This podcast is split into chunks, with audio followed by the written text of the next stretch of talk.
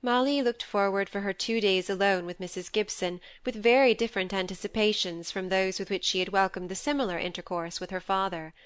In the first place, there was no accompanying the travellers to the inn from which the coach started.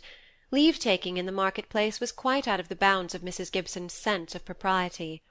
Besides this, it was a gloomy, rainy evening, and candles had to be brought in at an unusually early hour. There would be no break for six hours no music, no reading; but the two ladies would sit at their worsted work, pattering away at small talk, with not even the usual break of dinner. For, to suit the requirements of those who were leaving, they had already dined early.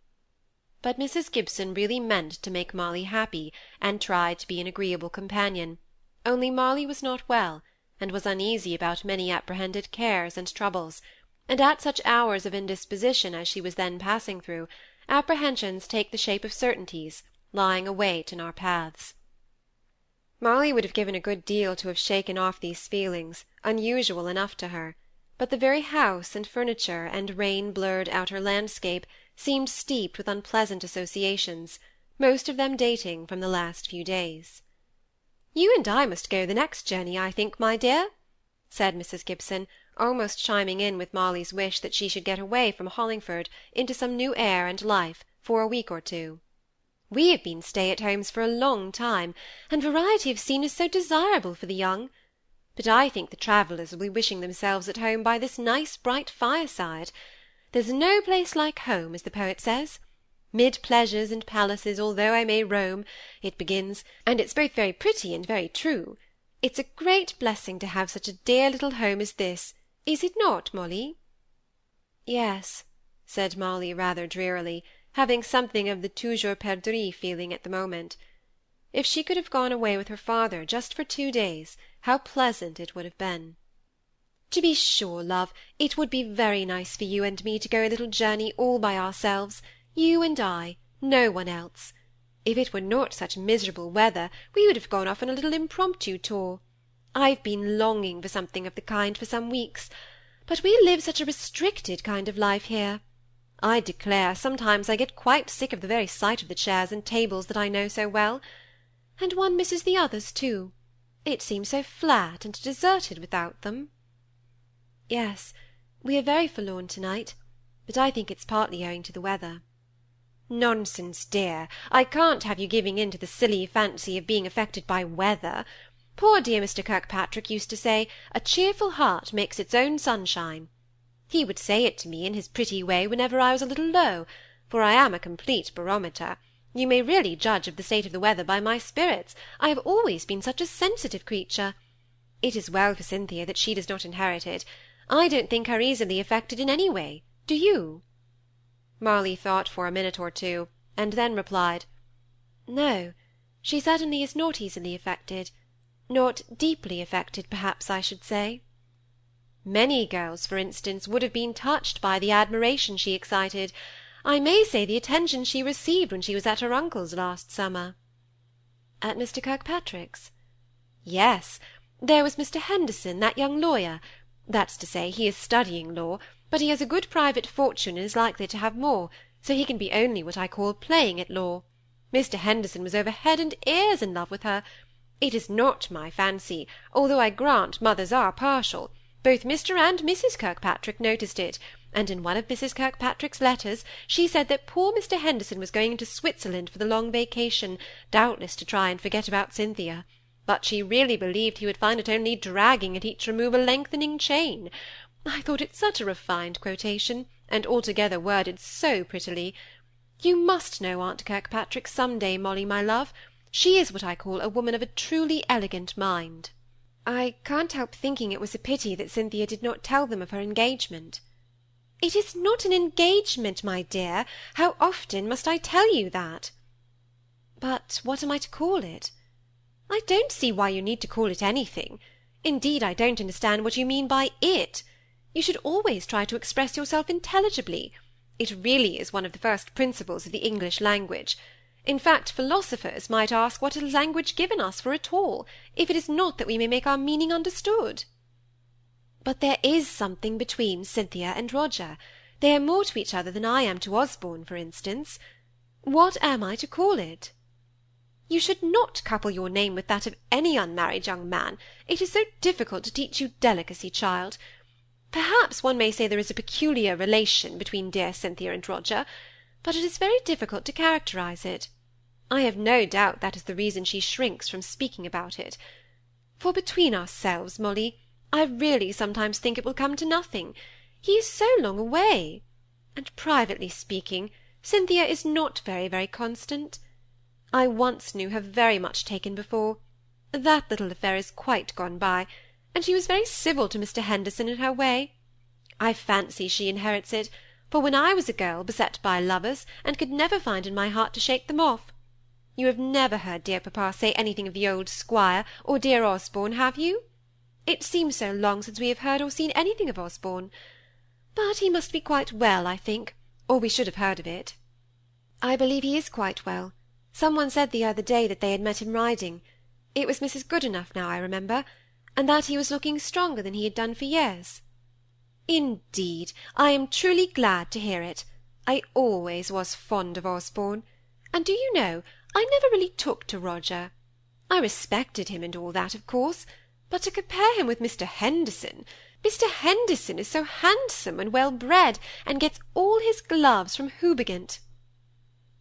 It was true that they had not seen anything of Osborne Hamley for a long time, but, as it often happens, just after they had been speaking about him, he appeared. It was on the day following Mr. Gibson's departure that Mrs. Gibson received one of the notes, not so common now as formerly, from the family in town, asking her to go over to the Towers, and find a book or a manuscript, or something or other that Lady Cumnor wanted with all an invalid's impatience. It was just the kind of employment she required for an amusement on a gloomy day, and it put her into a good humour immediately. There was a certain confidential importance about it, and it was a variety, and it gave her the pleasant drive in a fly up the noble avenue, and the sense of being the temporary mistress of all the grand rooms once so familiar to her. She asked Molly to accompany her, out of an access of kindness, but was not at all sorry when Molly excused herself and preferred stopping at home. At eleven o'clock Mrs. Gibson was off, all in her Sunday best, to use the servant's expression, which she herself would so have condemned; well dressed in order to impose on the servants at the Towers, for there was no one else to see, or to be seen by. I shall not be at home until the afternoon, my dear, but I hope you will not find it dull. I don't think you will, for you are something like me, my love, never less alone than when alone, as one of the great authors has justly expressed it. Molly enjoyed the house to herself fully as much as Mrs. Gibson would enjoy having the Towers to herself. She ventured on having her lunch brought upon a tray into the drawing-room, so that she might eat her sandwiches while she went on with her book. In the middle, Mr. Osborne Hamley was announced. He came in, looking wretchedly ill in spite of purblind Mrs. Goodenough's report of his healthy appearance. "This call is not on you, Molly," said he, after the first greetings were over. I was in hopes I might have found your father at home. I thought lunch time was the best hour." He had sat down, as if thoroughly glad of the rest, and fallen into a languid, stooping position, as if it had become so natural to him that no sense of what was considered good manners sufficed to restrain him now. "I hope you did not want to see him professionally," said Molly, wondering if she was wise in alluding to his health, yet urged to it by her real anxiety. "Yes, I did. I suppose I may help myself to a biscuit and a glass of wine. No, don't ring for more. I could not eat it if it was here. But I just want a mouthful. This is quite enough, thank you. When will your father be back? He was summoned up to London. Lady Cumnor is worse. I fancy there is some operation going on, but I don't know. He will be back tomorrow night. Very well. Then I must wait.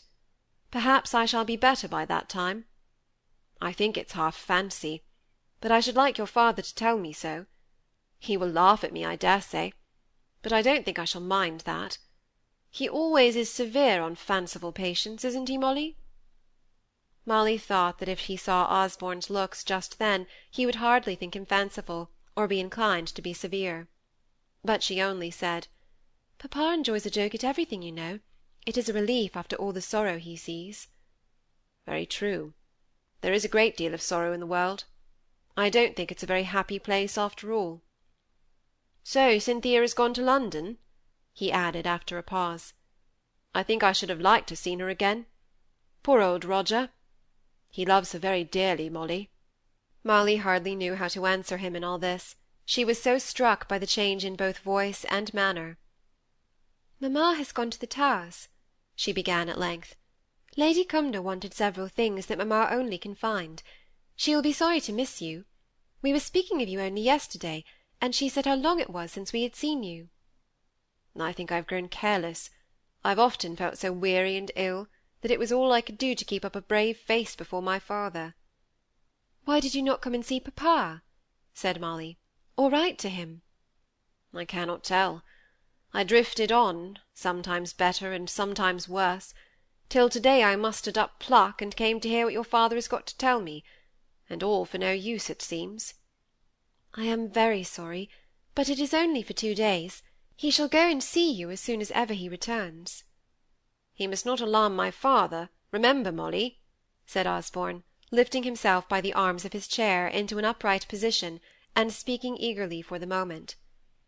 "I wish to God Roger was at home," he said, falling back into the old posture. "I can't help understanding you," said Molly. "You think yourself very ill, but isn't it that you were tired just now?" She was not sure if she ought to have understood what was passing in his mind, but as she did, she could not help speaking a true reply. Well, sometimes I do think I'm very ill, and then again I think it's only the moping life sets me fancying and exaggerating. He was silent for some time. Then, as if he had taken a sudden resolution, he spoke again. You see, there are others depending upon me, upon my health. You haven't forgotten what you heard that day in the library at home. No, I know you haven't. I have seen the thought of it in your eyes often since then. I didn't know you at that time. I think I do now." "Don't go on talking so fast," said Molly. "Rest. No one will interrupt us. I will go on with my sewing. When you want to say anything more, I shall be listening." For she was alarmed at the strange pallor that had come over his face. "Thank you." After a time he roused himself, and began to speak very quietly, as if on an indifferent matter of fact. The name of my wife is Aimée Aimée Hamley, of course. She lives at Bishopsfield, a village near Winchester. Write it down, but keep it to yourself. She is a Frenchwoman, a Roman Catholic, and was a servant. She is a thoroughly good woman. I must not say how dear she is to me. I dare not. I meant once to have told Cynthia, but she didn't seem quite to consider me as a brother. Perhaps she was shy of a new relation, but you'll give my love to her all the same. It is a relief to think that some one else has my secret, and you are like one of us, Molly. I can trust you almost as I can trust Roger. I feel better already, now I feel that some one else knows the whereabouts of my wife and child. Child! said Molly, surprised; but before he could reply, Maria had announced, Miss Phoebe Browning. Fold up that paper, said he, quickly, putting something into her hands. It is only for yourself.